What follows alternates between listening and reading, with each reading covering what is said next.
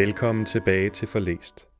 I dette afsnit læser vi sidste del af julefortællingen Nødeknækker og Musekongen af E.T.A. Hoffmann. God fornøjelse.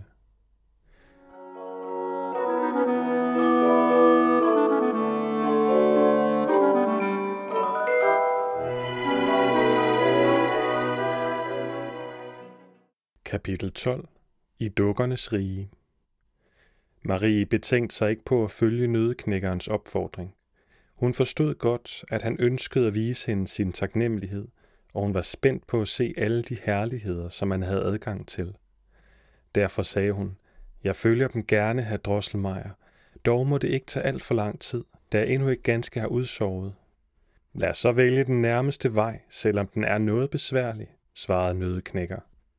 Så gik han i forvejen, og Marie fulgte efter. Foran det mægtige gamle klædeskab i forstuen stansede han. Til sin forundring lagde Marie mærke til, at dørene, der ellers altid var lukkede, stod åbne, så hun tydeligt kunne se sin faders rejsepels, som hang foran i skabet. Behendig klatrede nødeknækker til værs og greb fat i den store kvast, der hang ned på ryggen af pelsen. Med et kraftigt tag rykkede han i den, og straks åbnede der sig gennem pelsens ærme en trappegang af fineste sidertræ. Vær så venlig at træde indenfor, dyrebareste frøken, bad nødknækker. Marie fulgte hans opfordring, men næppe var hun sted op gennem ærmet og kiggede ud gennem halsåbningen, før et blændende lys strålede hende i møde, og på en gang stod hun på en herlig duftende eng, der glimrede som genskin fra millioner af strålende ædelstene. Nu befinder vi os på sukkerkandisengen, sagde nødeknækker, men lad os gå gennem porten der.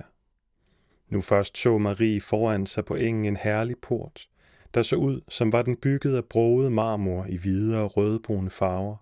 Men da hun kom nærmere, kunne hun godt se, at det var en blanding af mandler og rosiner.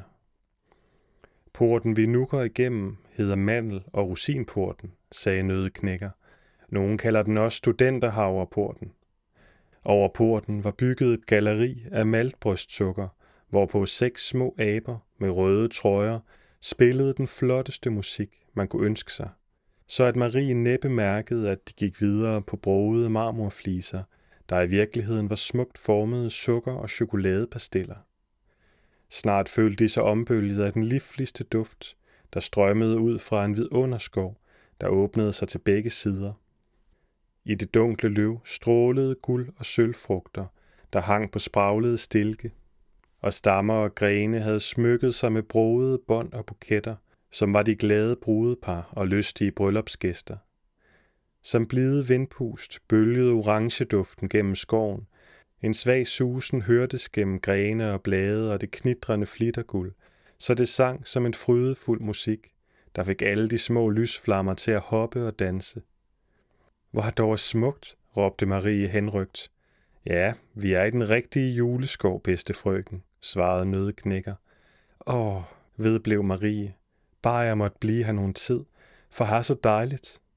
Nødknækker klappede i hænderne, og straks viste der sig nogle små hyrder og hyrdinder, og nogle jæger og deres damer, der så så klare og skøre og hvide ud, at man skulle have troet, at de var det bare sukker.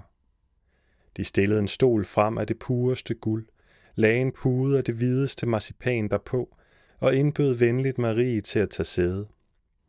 Næppe havde Marie sat sig, før hyrder og hyrdinder dansede den nydeligste minuet, mens jægerne blæste på horn dertil. Lige så pludselig de var kommet, forsvandt de alle igen i buskettet. Skal vi så gå videre, foreslog nødeknækker og gik foran, mens Marie fulgte efter.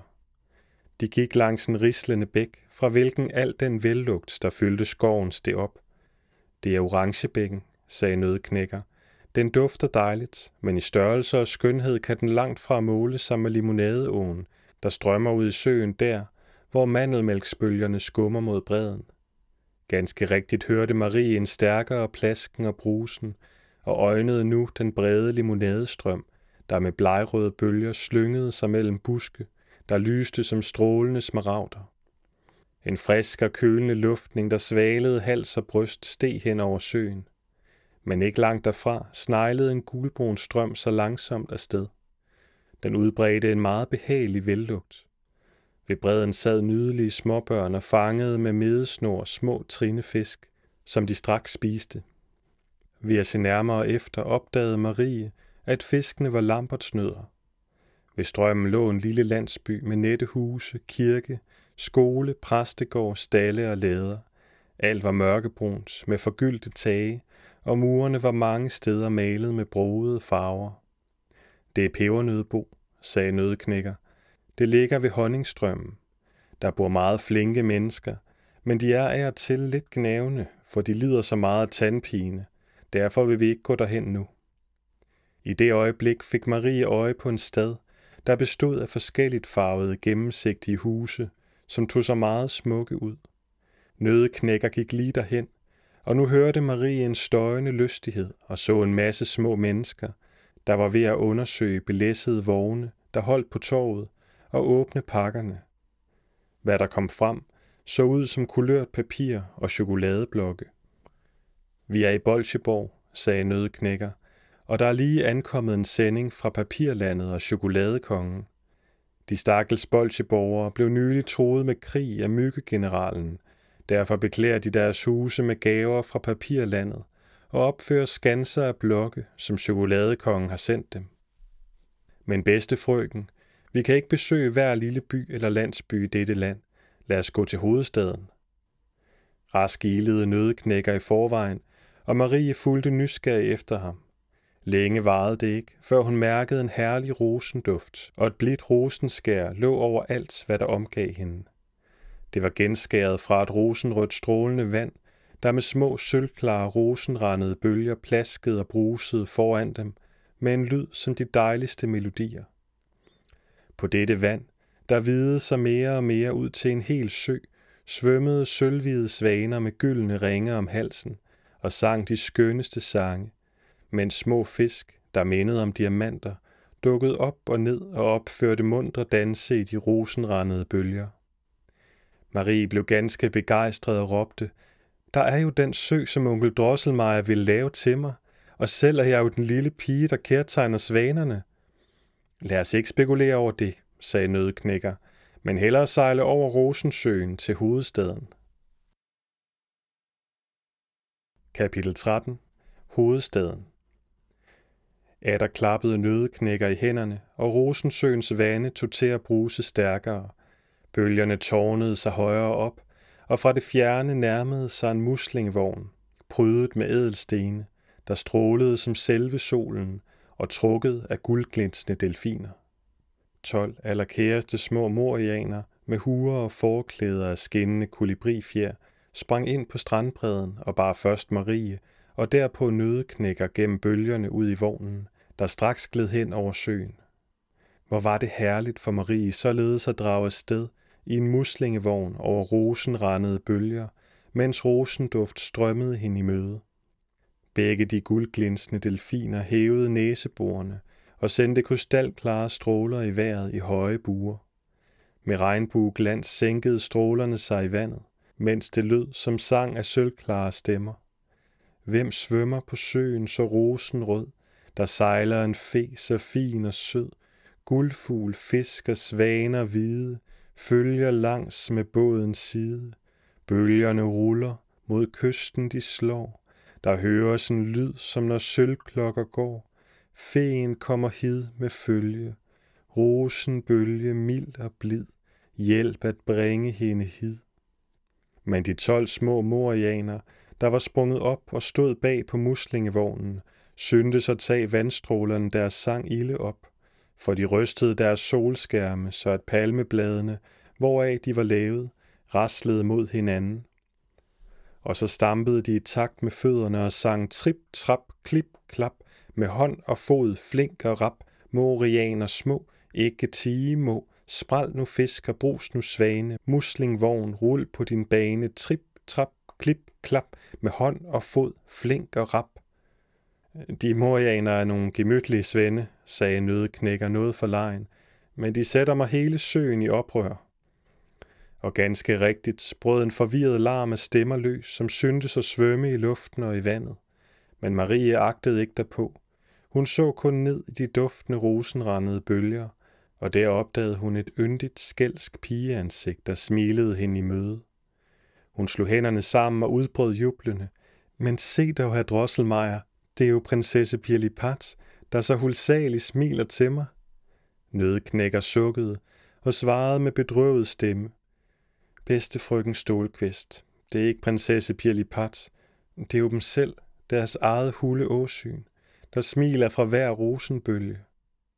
Marie trak hurtigt hovedet tilbage, lukkede øjnene og blev ganske undselig. I det samme blev hun af de tolv morianer løftet ud af muslingevognen og båret i land.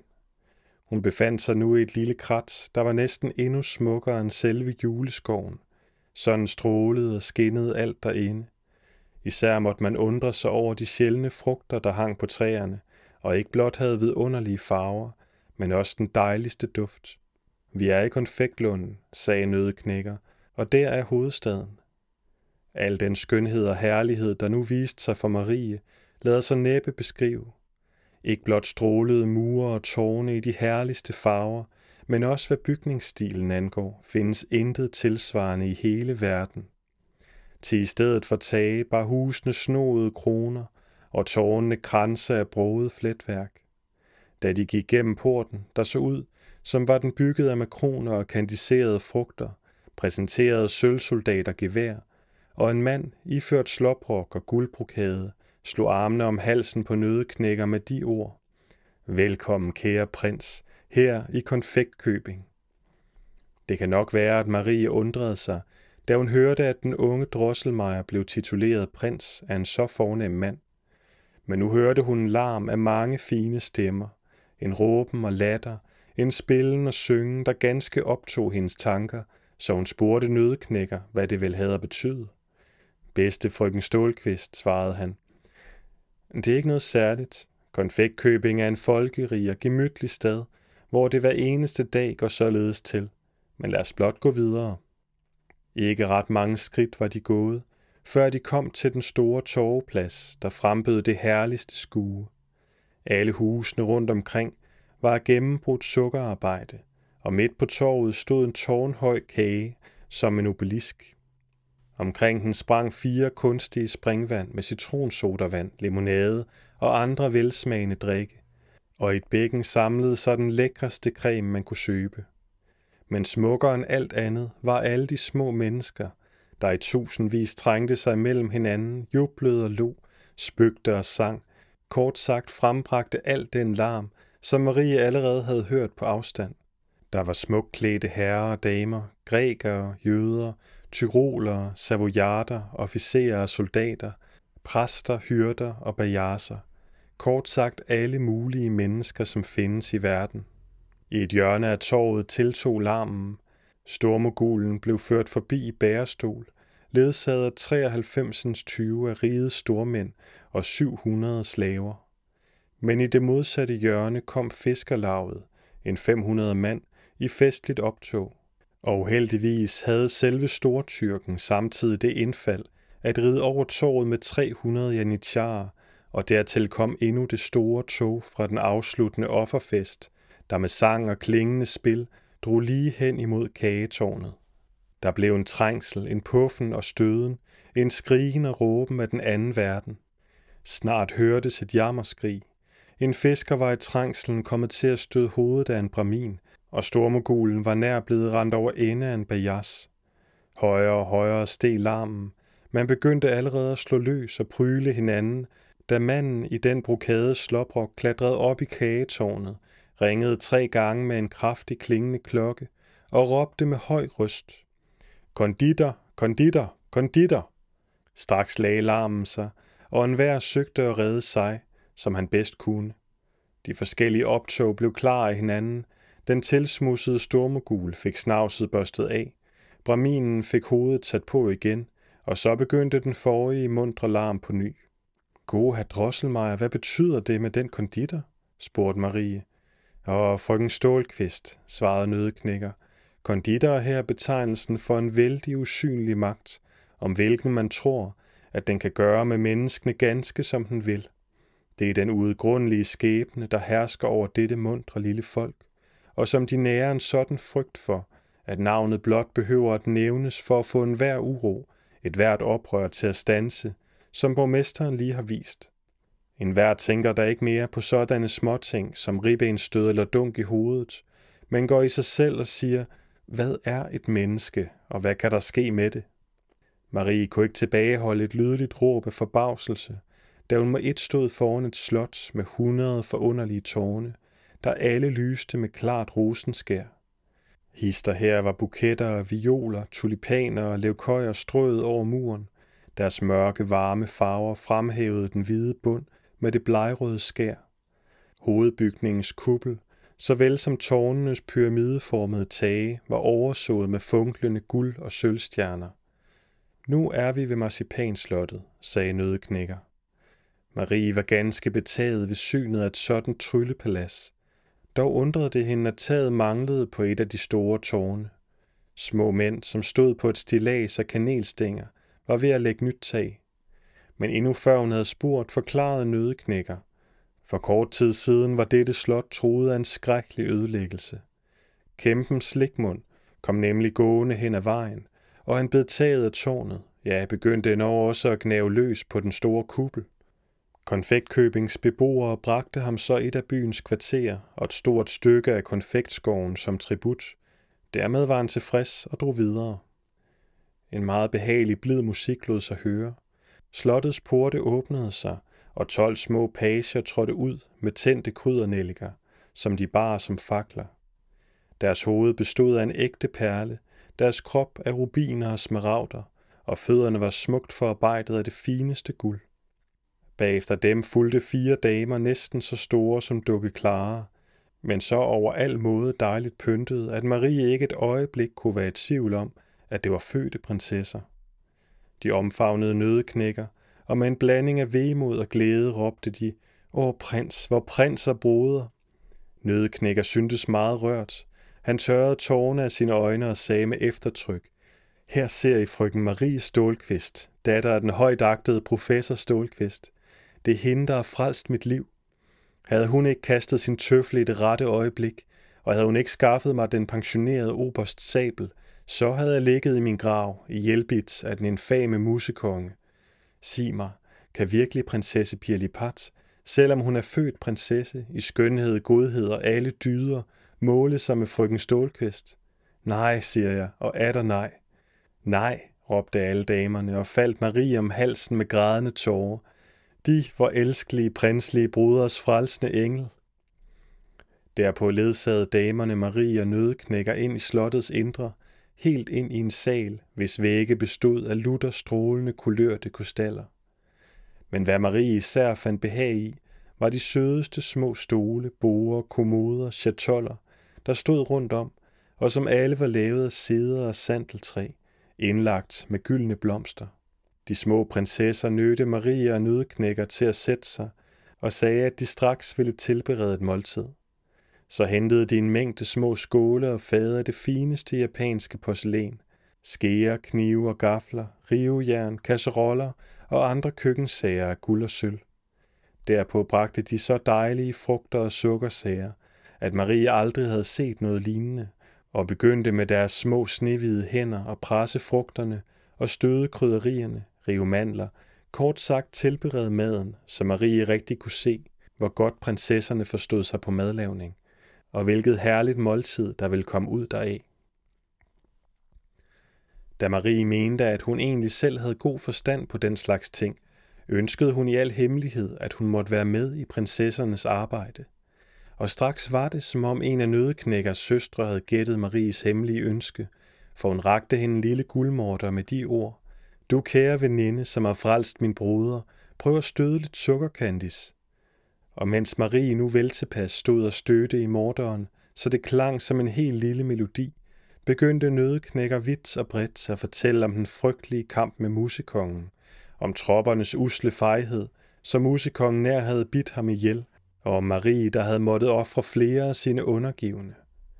Under fortællingens gang syntes Marie, at nødeknækkers ord, ja, selv lyden af hendes stød i morderen klang fjernere og fjernere og blev mere og mere utydelige. Tønde tåger steg op som et sølvflor. Prinsesserne, pagerne, nødeknækker, Ja, hun selv flød ligesom bort deri. En sælsom synge og summen lod sig høre som en fjern brusen. Marie løftede som på stigende vande, højere og højere, opad, opad, stadig opad. Kapitel 14 Slutning Bums! Marie faldt ned fra en umådelig højde. Det gav et ordentligt sæt i hende. Men da hun slog øjnene op, så lå hun i sin seng.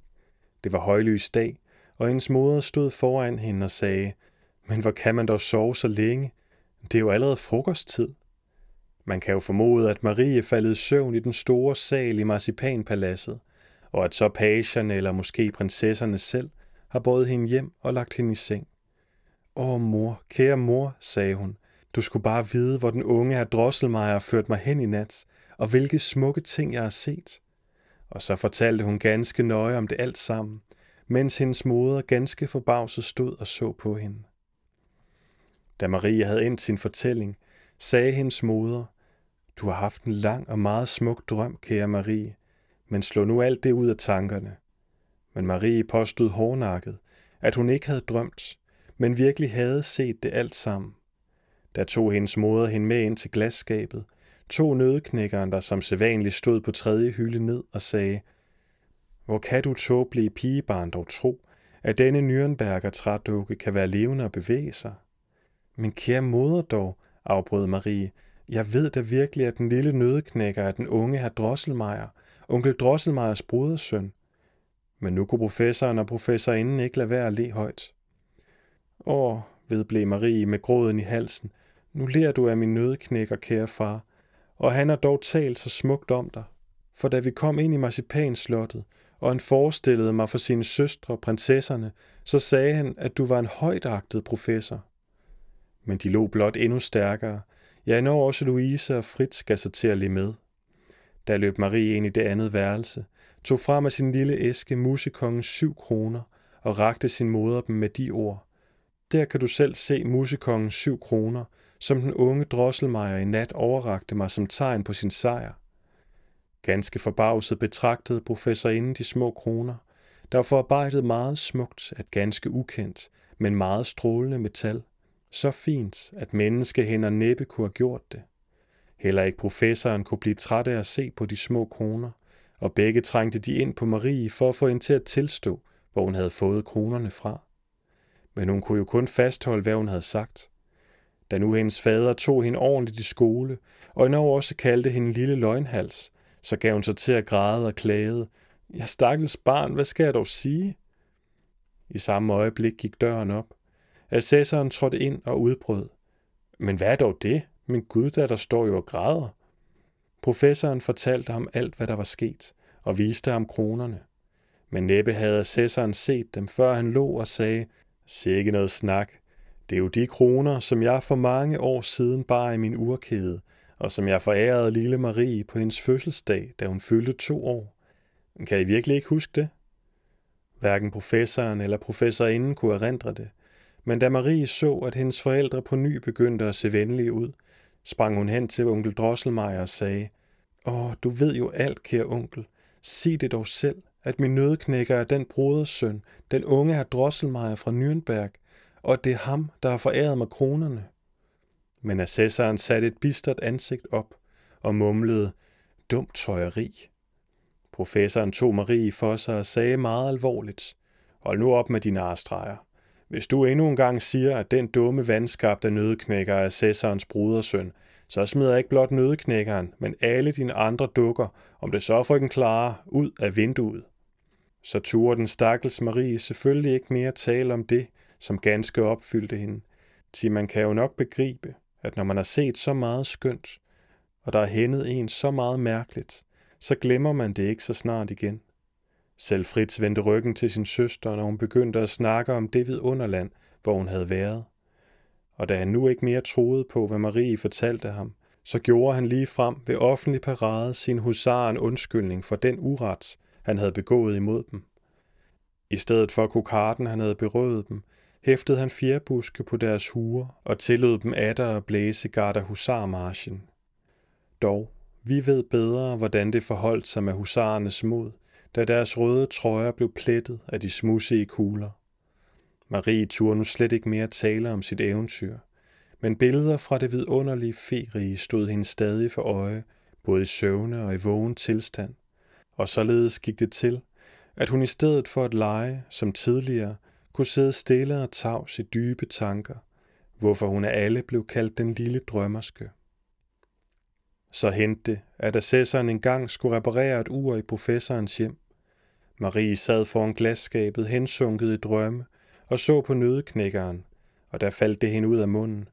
Kære herr Drosselmeier, hvis de virkelig var levende, så vil jeg sandelig ikke bære mig ad som prinsesse Pirlipat og forsmå dem, for det er jo netop for min skyld, at de ophørte ophørt med at være en velskabt ung mand.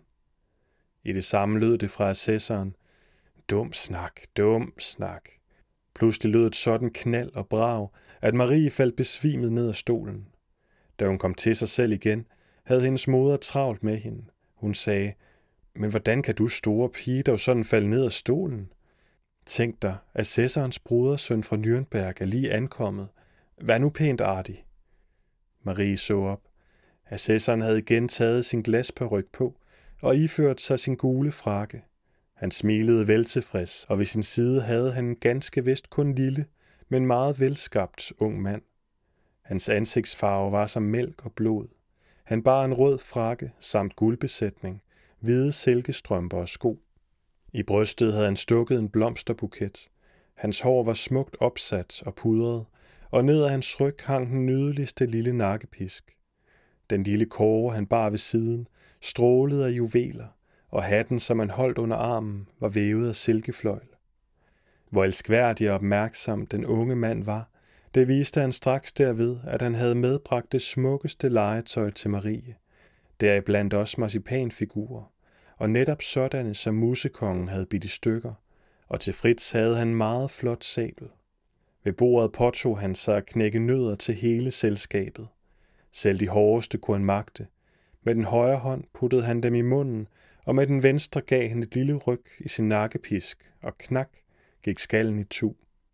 Marie rødmede, da hun så den nette unge mand, og endnu mere rødmede hun, da den unge drosselmejer efter bordet foreslog hende at gå med ind i dagligstuen og se på glasskabet.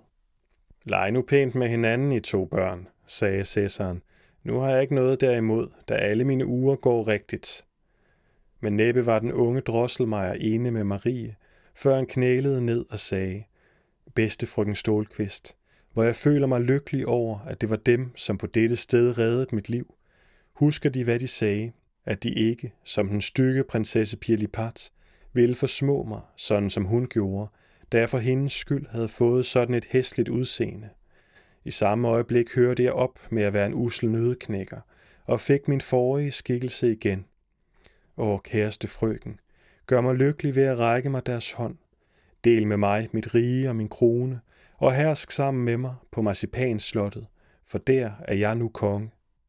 Marie løftede ham op og svarede, Kære herr Drosselmeier, hvor er de dog et godt og kærligt menneske, og da de desuden hersker over et herligt land med smukke, mundre mennesker, så siger jeg dem tak og bliver med glæde deres brud. Således blev Marie trolovet med Drosselmeier. Året derefter skal han have hentet hende med en guldvogn trukket af sølvheste. Ved hendes bryllup dansede 22.000 af de mest strålende små væsner, smykket med perler og diamanter, og Marie skal endnu den dag i dag være dronning i et land, hvor man overalt kan se strålende juleskove, gennemsigtige marcipanpaladser, kort sagt de herligste og vidunderligste ting, hvis man da er født med sådanne øjne, der ser ting, som ikke alle og enhver kan se. Her ender eventyret om nødeknækker og musekonge.